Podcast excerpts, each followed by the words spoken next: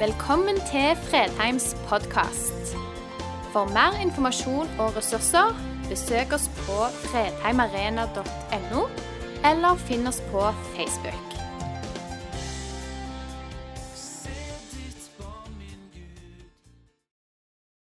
Det å være innadvendt, det er noe mange av oss er.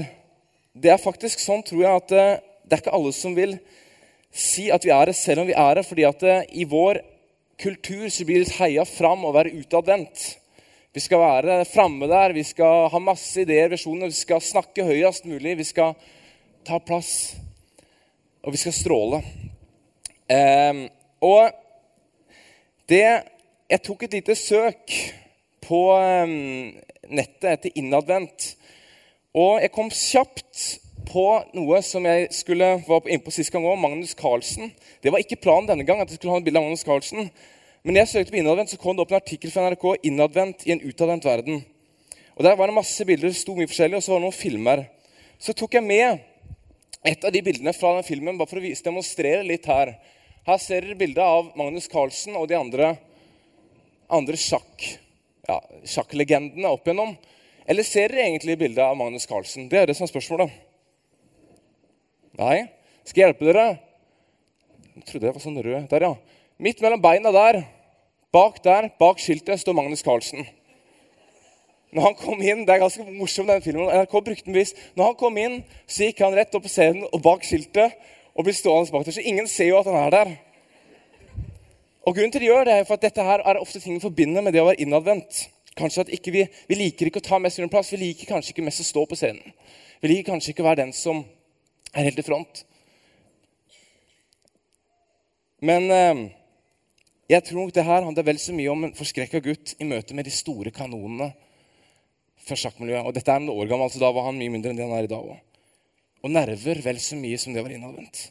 Men uansett var det veldig morsomt. Målet med den talen jeg har i dag, er ikke å snakke om hva det vil si å være innadvendt, men det er heller å snakke om livet vårt inn med Gud i våre liv i adventstiden.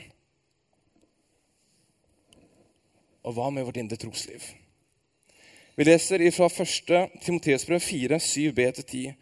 Øv deg heller i Guds frykt. For kroppslig øvning er nyttig til noe, men Guds frykt er nyttig til alt. Til den er det knyttet et løfte både for dette livet og for det som kommer. Dette er troverdige ord, og det er vel verdt å ta imot.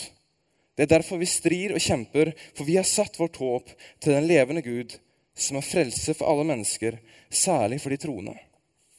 Som jeg har nevnt tidligere en gang, så eh, er jeg og noen kompiser i opptrening til et løp som vi skal ha med i mars. Og til min kones store frustrasjon så handler det nå mer og mer jo nærmere vi kommer, om dette løpet. Om å få nok kilometer i beina og hele tida øke, så jeg vet at beina er klar til det skal i gang i mars. Og På jobb rundt eh, lunsjbordet så har vi av og til, så har, har det verset her faktisk blitt slengt til meg et par ganger. Det at kroppslig øving er nok nyttig til noe, men gudsfrykt er nyttig til alt.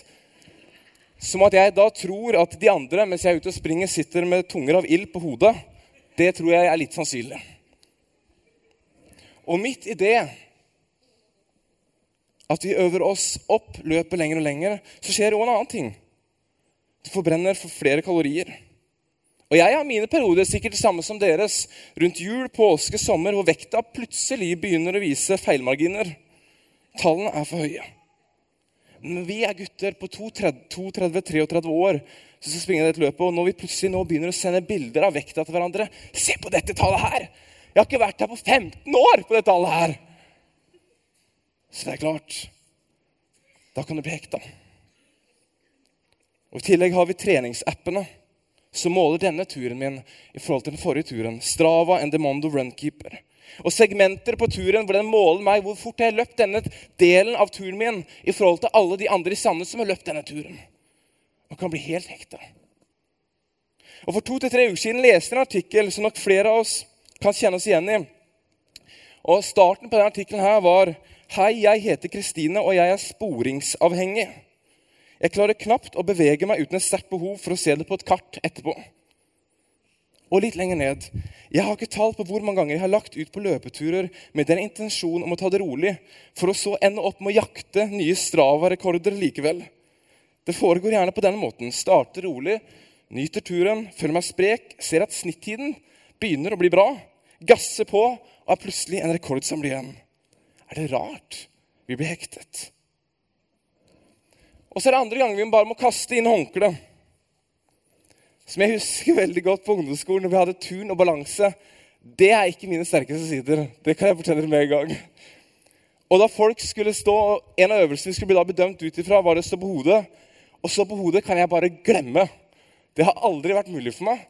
Så jeg måtte da heller, fikk da beskjed at jeg kunne heller prøve å gå inn i fly. Og fly er ca. sånn som det her. Og det er egentlig bare å demonstrere hvor dårlig du er i balanse. Når ikke du kan hodet, så får du den her. Og det holdt til noen pluss pga. god innsats. Kroppslig øvning tjener til node. Både fysisk og psykisk, er det ingen tvil om. Og vi begynner så lett å planlegge tiden vår, fritiden og rundt den. Og nedgang i vekt feires med nye bilder til en utvalgt krets.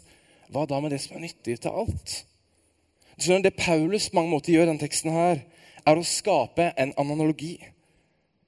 Hvor han anerkjenner viktigheten og betydningen av fysisk trening som viktig. Men han drar det så over i åndelig trening som er viktig på alle områder i livet. Og Det interessante med teksten er at det greske ordet her, som blir oversatt i vår bibel med 'øv deg i Guds frykt', er verbet 'gymnaso', som vi kjenner igjen fra det engelske ordet 'gymnasium', altså en gym. Så nærheten til trening er betydelig.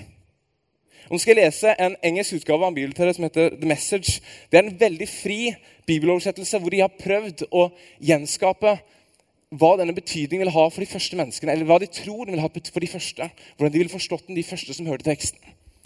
Eh, samtidig som at de oversetter språket veldig fritt for at det skal være mest mulig levende. Og den går sånn her. Exercise daily in God, no spiritual flabbiness. Please. Workouts in the gymnasium are useful, but a disciplined life in God is far more so making you fit both today and forever. You can count on this. Take it to the heart. Exercise daily in God. Tren dere. Øv dere. Daglig i Gud. Hvordan ser det ut i ditt liv? Og Der hvor trening i seg selv kan være så utrolig mye forskjellig det kan være anarob, aerob, grunntrening, muskeltrening, dansing, intervaller, langturer. Det handler om ernæring, restitusjon osv. Så, videre. så er også trening i Gud, ulike åndelige disipliner, også veldig forskjellig. Og Kanskje opplever vi at på noen områder i livet vårt med Gud så får vi ting ganske bra til. Mens i andre områder føler jeg at dette her går jo bare ikke bra.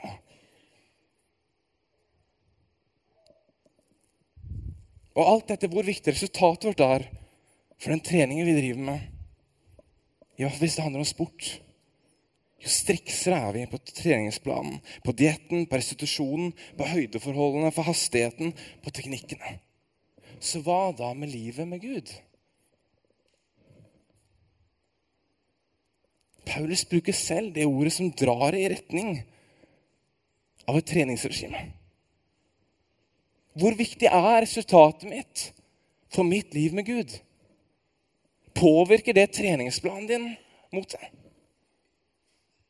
Når jeg tar dette her opp nå, så er det ikke fordi jeg har orden på hele greia. På mange områder har jeg en lang vei å gå. Mens på noen områder kanskje føler jeg at dette her mestrer jeg et stykke på vei. Men hvorfor skal vi gjøre det i det hele tatt? Hvorfor skal vi øve oss i Gud? Vi er jo frelst ved nåde. Jeg kan bare legge meg på sofaen og bli der. Paulus svarte egentlig på det i den teksten jeg leste. Han skriver til det er det knyttet et løfte både til dette livet og for det som kommer. Dette er troverdige ord og vel verdt å ta imot. Det er derfor vi strir og kjemper. For vi har satt vårt håp til en levende Gud som frelser for alle mennesker særlig for de troende. Å bruke rettferdiggjørelse ved tro av nåde imot å gjøre øvelser som i hele kirkens historie har blitt forstått som grep som kan bygge et tettere liv med Gud. Det blir totalt skivebom med begrepet. Vi må huske at den historien Luther kom ut fra, han var en munk. Han var veldig vant med disse åndelige disiplinene. Det var en del av livet hans. Et av de begrepene som jeg vokste opp med på ungdomsskolen og videregående, som vi delvis gjorde narr av da, men det har satt seg, så det funka, det er å ta ansvar for egen læring. Tar du ansvar for egen læring og egen trening i ditt liv med Gud? Går vi noen gang gjennom en sjekkliste i vårt eget liv på hvordan står det egentlig til på disse ulike områdene? Etter en treningstur går jeg gjennom Strava og ser hvor kan jeg forbedre resultatet. Hvorfor er jeg over fem minutter per kilometer her? Så ser jeg at jeg hadde med høydemeter å gjøre. Hva med livet vårt med Gud? Går vi noen gang gjennom og spør hvorfor er det sånn at jeg ikke har åpna den Bibelen på en måned? Hvorfor er det sånn at jeg ikke får tid til å be? Men jeg har tid til å bruke en time og surfe på mobilen i løpet av en dag. Hvorfor er det sånn? Hva gjør jeg i livet mitt med de tingene som jeg vet ikke er bra for meg? Lar jeg det bli der? Eller prøver jeg å luke de ut? Eller lærer jeg meg bare å leve med det? At sånn er jeg. Det sies at det vi tolererer nå, vil på sikt dominere oss. Hvilken betydning skal det ha for mitt liv? Spørsmålet her er kanskje gjør vi gode valg nå som vi blir fornøyd med senere? Eller tar vi lett på ting nå som senere blir et problem? Hva mater vi oss med, egentlig? Ifølge Bear Grills, som sikkert noen av dere kjenner, fra en serie som heter 'Mann mot natur', hvor vi er plassert rundt de verste stedene rundt omkring på jorda og skal finne en, en løsning og komme seg fram til et sted. Spise alt mulig rart. Han sier det at han hevder at 80% av det å holde seg i form handler om ernæring. Bare 20% om trening. Så hva fyller du deg med? Hva er maten din? Hvor mye fyller du deg med Guds ord? Hvilken plass har den i livet ditt? Dette er kanskje et av de punktene jeg sjøl kjenner treffer med. Hvorfor får jeg ikke mer tid til det? Eller jeg vet ikke hva det handler om. Hvorfor prioriterer jeg ikke mer liv, tid til det i livet mitt? Får jeg inn egentlig noe mer enn det jeg bare spytter ut i en fra en scene? La jeg, la jeg det få en betydning i livet mitt?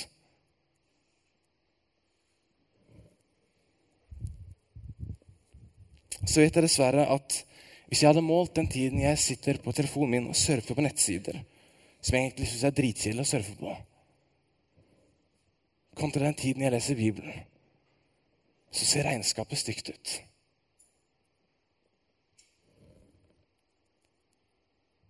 Er det egentlig holdbart? Har jeg en disiplin på det? Fyller du deg med sannheten og hvem du er? Hvem Gud er? og hvilke planer han har for ditt og mitt liv. Hvilke forhold har du til Bibelen? Hva med møtet med ham, da? Hvor lenge dveler jeg ved ham? Hvor lenge er jeg med ham? Hvor lenge er jeg til stede med ham bare for å prøve å bruke tid sammen? Åndelige tradisjoner tilbake til den første kirke. Også Jesus sitt liv tyder på at vi blir transformert, og forvandlet i hans nærhet. Hvordan legger jeg rom for dette i mitt liv? Som en pensjonist, småbarnsfar, student, arbeidsnarkoman. Når går jeg inn i hans nærhet? Når bare er jeg der, så han kan få lov å forvandle meg?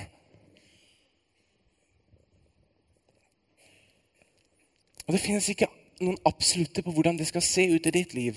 Men det er helt tydelig gjennom kirkens historie at bønn, stillhet, tilbedelse og faste er elementer som har vært i den åndelige treningen.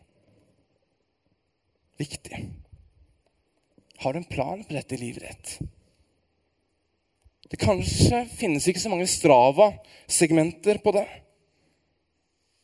Men hvis trening i Gud er nyttig til alt, så burde kanskje ikke mangelen på Strava-segmentene være det som stopper oss. La oss først starte med et betimelig spørsmål. Har jeg egentlig interesse av å bli forvandlet i møtemenn? Eller er jeg ikke interessert?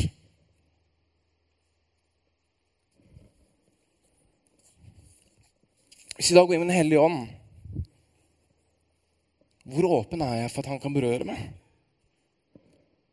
For at han kan minne meg på noe? For at han kan gi meg en skytelse som kan være livsvandlende for meg, er livsvandlende for mennesker rundt meg. Avskriver jeg alle de tankene, alle de ideene som plutselig popper opp i hodet mine som mine egne fantasier? Eller tenker jeg at jeg er åpen for det? At dette kanskje er Gud som skal snakke gjennom meg? Av og til misunner jeg de som gjennom hele livet har sittet og notert ned på møter og notert ned når de har opplevelser med Gud. Og etter hvert sannsynligvis får de et svært bibliotek hvor de kan gå tilbake og se og kjenne igjen livet sitt med Gud. Jeg har aldri gjort det. Jeg skal helt ærlig, så kommer jeg sannsynligvis ikke gjøre det, for jeg er ikke strukturert nok til det. på det området. Men jeg misunner dem av og til.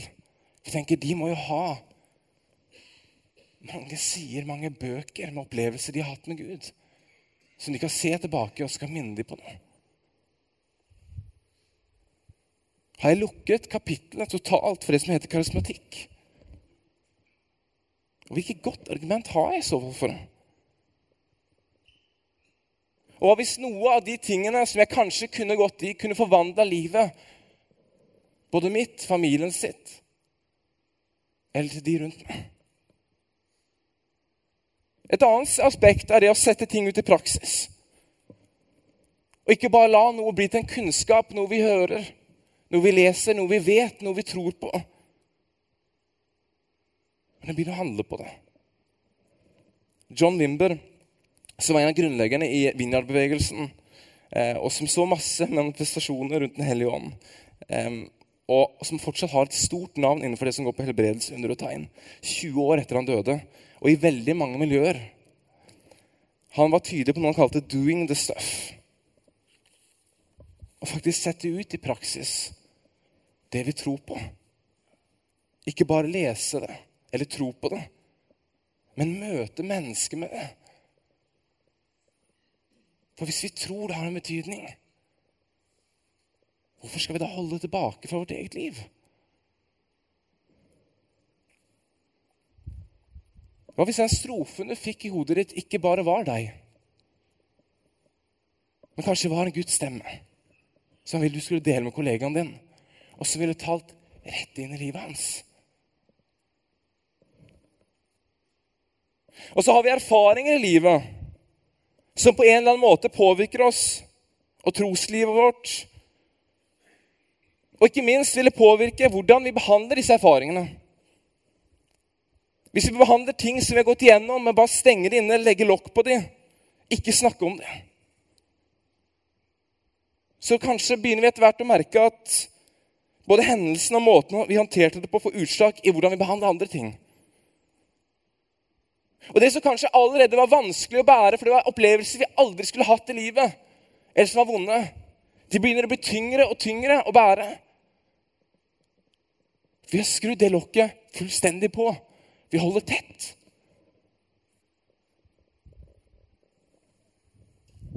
Og etter hvert blir en hard nøtt vanskelig å trenge inn i.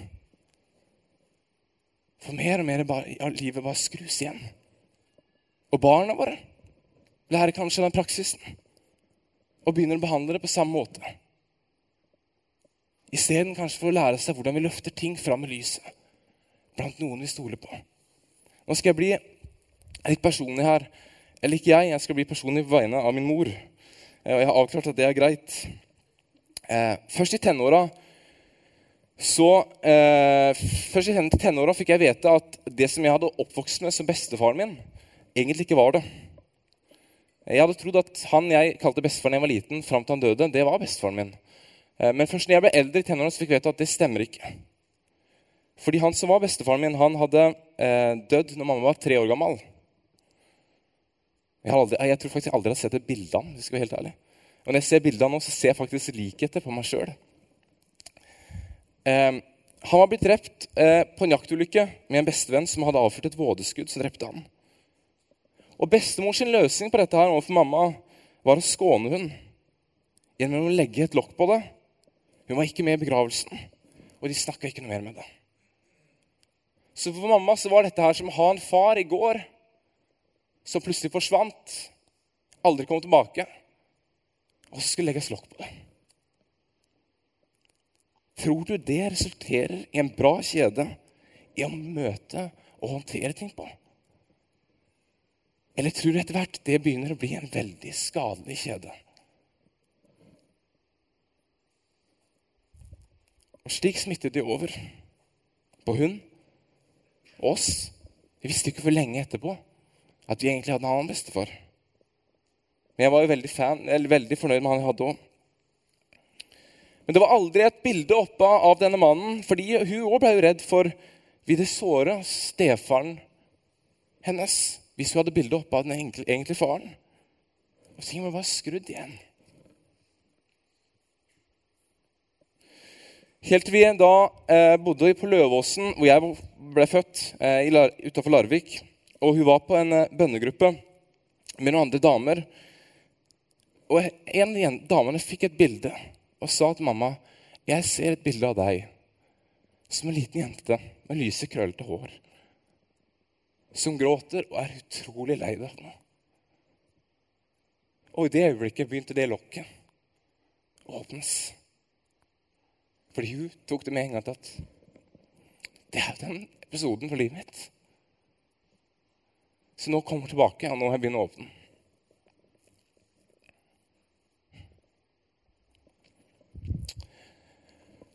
Og konsekvensen av å bare lokke igjen ting på den måten blir fort at vi skaper utfordrende relasjon, kanskje. Vi får problemer med relasjonen med Gud. Vi får problemer med relasjoner rundt oss. Og det smitter mer og mer og mer. Og så kommer kanskje plutselig som en bombe senere i livet. Hvordan håndterer vi det? Hvordan håndterer vi de erfaringene vi har i livet vårt? Hva gjør de med relasjonen vår med Gud og relasjonen til hverandre? Og bare registrer det. At det som skulle få lokket til mamma til å åpne Et lokk jeg vet hun har brukt mange år på å åpne. Men jeg skulle til å begynne å åpne det, var en som fikk en skytelse. Var at jeg ser deg som en liten jente med lyst, krøllete hår, som er utrolig lei deg, og så står og gråter. En skytelse fra Den hellige ånd som kunne ha blitt avskrevet som fantasier. Men hun gikk på det. Og det begynte en livsvandlende prosess i min mors liv. En katolsk prest har brukt et bilde hvor han sier at livet er som en innsjø med krystallklart vann. Du ser rett igjennom det med jordet til bunn under. Og det er klart, Helt til begynner vi å rote i jorda under, og da blir vannet med en gang fullt og grumsete. Han sier at du trenger ikke å rote i den bunnen og grumse til vannet. Dersom det da ikke skulle være noe der nede som faktisk gjør at du trenger å gå ned der og begynne å rote i det. Om det enn skulle bli grumsete for en stund.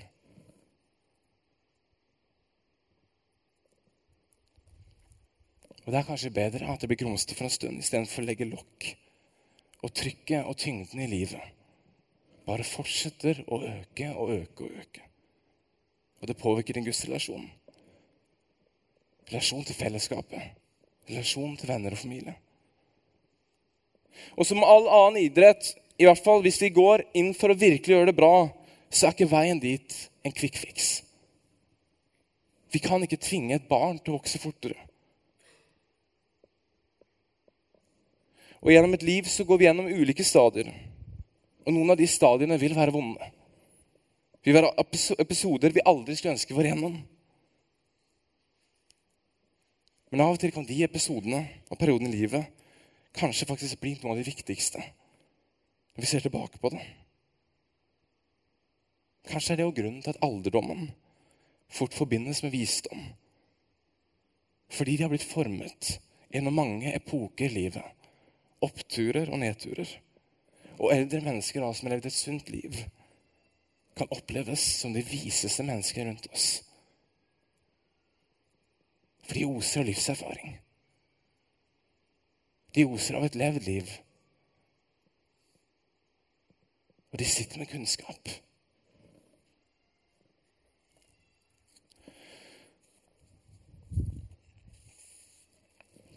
Eller hva om fellesskapet? Kirken er stedet for helbredelse av alle våre liv, av, alle, av hele vårt liv, på alle plan. Og vi vet alle at vi har, og veldig ofte i møte med mennesker så har vi et ønske om å i hvert fall fremtre bra. Av og til å imponere. Vi har lyst til at de skal se våre beste sider. Så vi kler oss fint. Vi gjør det vi gjør best. Men så er sannheten ofte det at først og fremst connecter vi mennesker gjennom å vise dem vår sårbarhet og vår svakhet. For åpenhet, mangler og feil og erkjennelsen av de er menneskelig. Og det skaper tillit. Jeg vil ikke bli overraska over den historien jeg delte i dag for mamma. Gjør at plutselig kanskje noen lokk hos den andre og begynner å åpnes. Fordi vi eksponerte sårbarhet.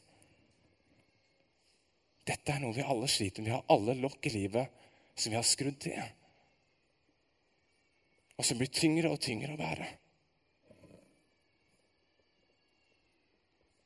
Og kanskje påvirker det troen din. Kanskje gjør det vanskelig med fellesskap og relasjoner. Kanskje har jeg blitt hard og kald fordi jeg har lukket meg totalt inn. Men kirken er fellesskap. Og det at alle 300 eller 200 her 200 er mer riktig da, tror jeg. Eh, kjenner et sterkt fellesskap med hverandre, er vanskelig å få til. Men at vi kjenner et sterkt fellesskap med hverandre rundt Jesus, at vi klarer å bygge fellesskap med hverandre i mindre grupper, er fullt mulig. Hvis vi ikke får til det, så feiler vi som kirke.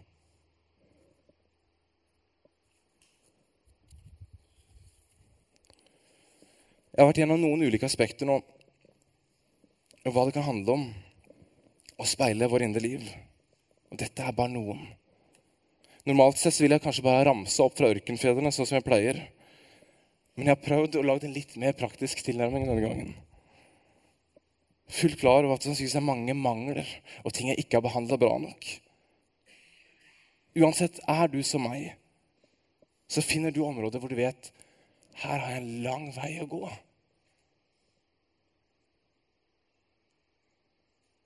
Hvorfor prioriterer jeg ikke dette? Det var dette som skulle bety noe i livet mitt. Og så er spørsmålet vil jeg gå den veien. Eller har jeg ikke interesse av det? Hadde jeg lagt sjela mi i det, så skulle jeg sikkert på et eller annet tidspunkt klart å stå på det hodet. Men jeg hadde bare ikke interesse. Så jeg valgte å gå for fly og få en dårlig karakter. Og tenkte at jeg får hente inn den karakteren på andre øvelser. Øv deg heller i gudsfrykt, for gudsfrykt er nyttig til alt. For vi har satt vårt håp til en levende Gud som er frelse for alle mennesker, særlig for de troende. Vi har berørt Hva gjør vi med det som ikke er bra i livet vårt? Hva mater vi oss med? Hvordan er vi til stede og blir forvandla i hans nærhet? Hva med Den hellige ånd og det overnaturlige i mitt liv? Har jeg kontakt med det i det hele tatt, eller har jeg bare satt opp en dør? Hva med alle de tingene jeg vet, og setter det ut i praksis? Hvordan håndterer vi ulike erfaringer i livet som former oss på ulike måter? Vi har håndtert at åndelige disipliner ikke er en quick fix. Vi har snakka om fellesskap, og nå vil jeg kanskje avslutte med det viktigste punktet av alle. Livet i nåden. For der alle de andre her kan føle deg sliten, føle at du ikke strekker til. Hvordan i verden skal jeg få det til? Så er poenget dette er ingen eksamen. Eksamen er tatt av Jesus. Det handler ikke om, du, om noe du og jeg skal gjøre, men hva han har gjort for oss. Innsteget til disse ni refleksjonene er bare at vi finner så lett rytmer, mål og modeller for treninga vår mot mål. Dette er for å vise at det finnes så ufattelig ulike åndelige disipliner i treningen vår i Gud.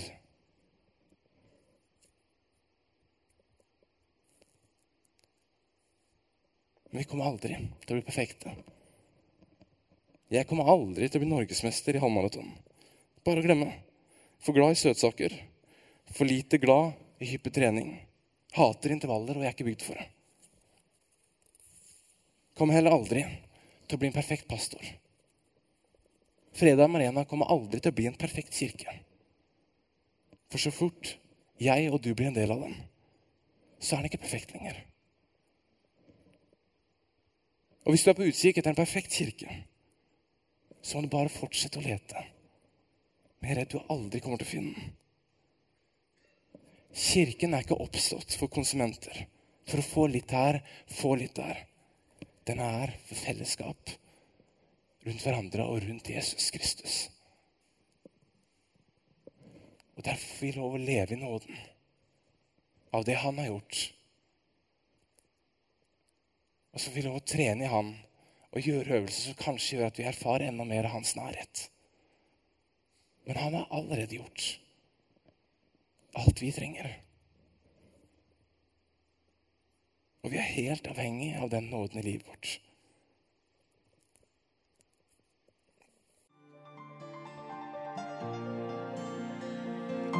Takk for at du valgte å høre på. Nye opptak legges ut hver uke. Vi har gudstjenester hver helg, og du er hjertelig velkommen.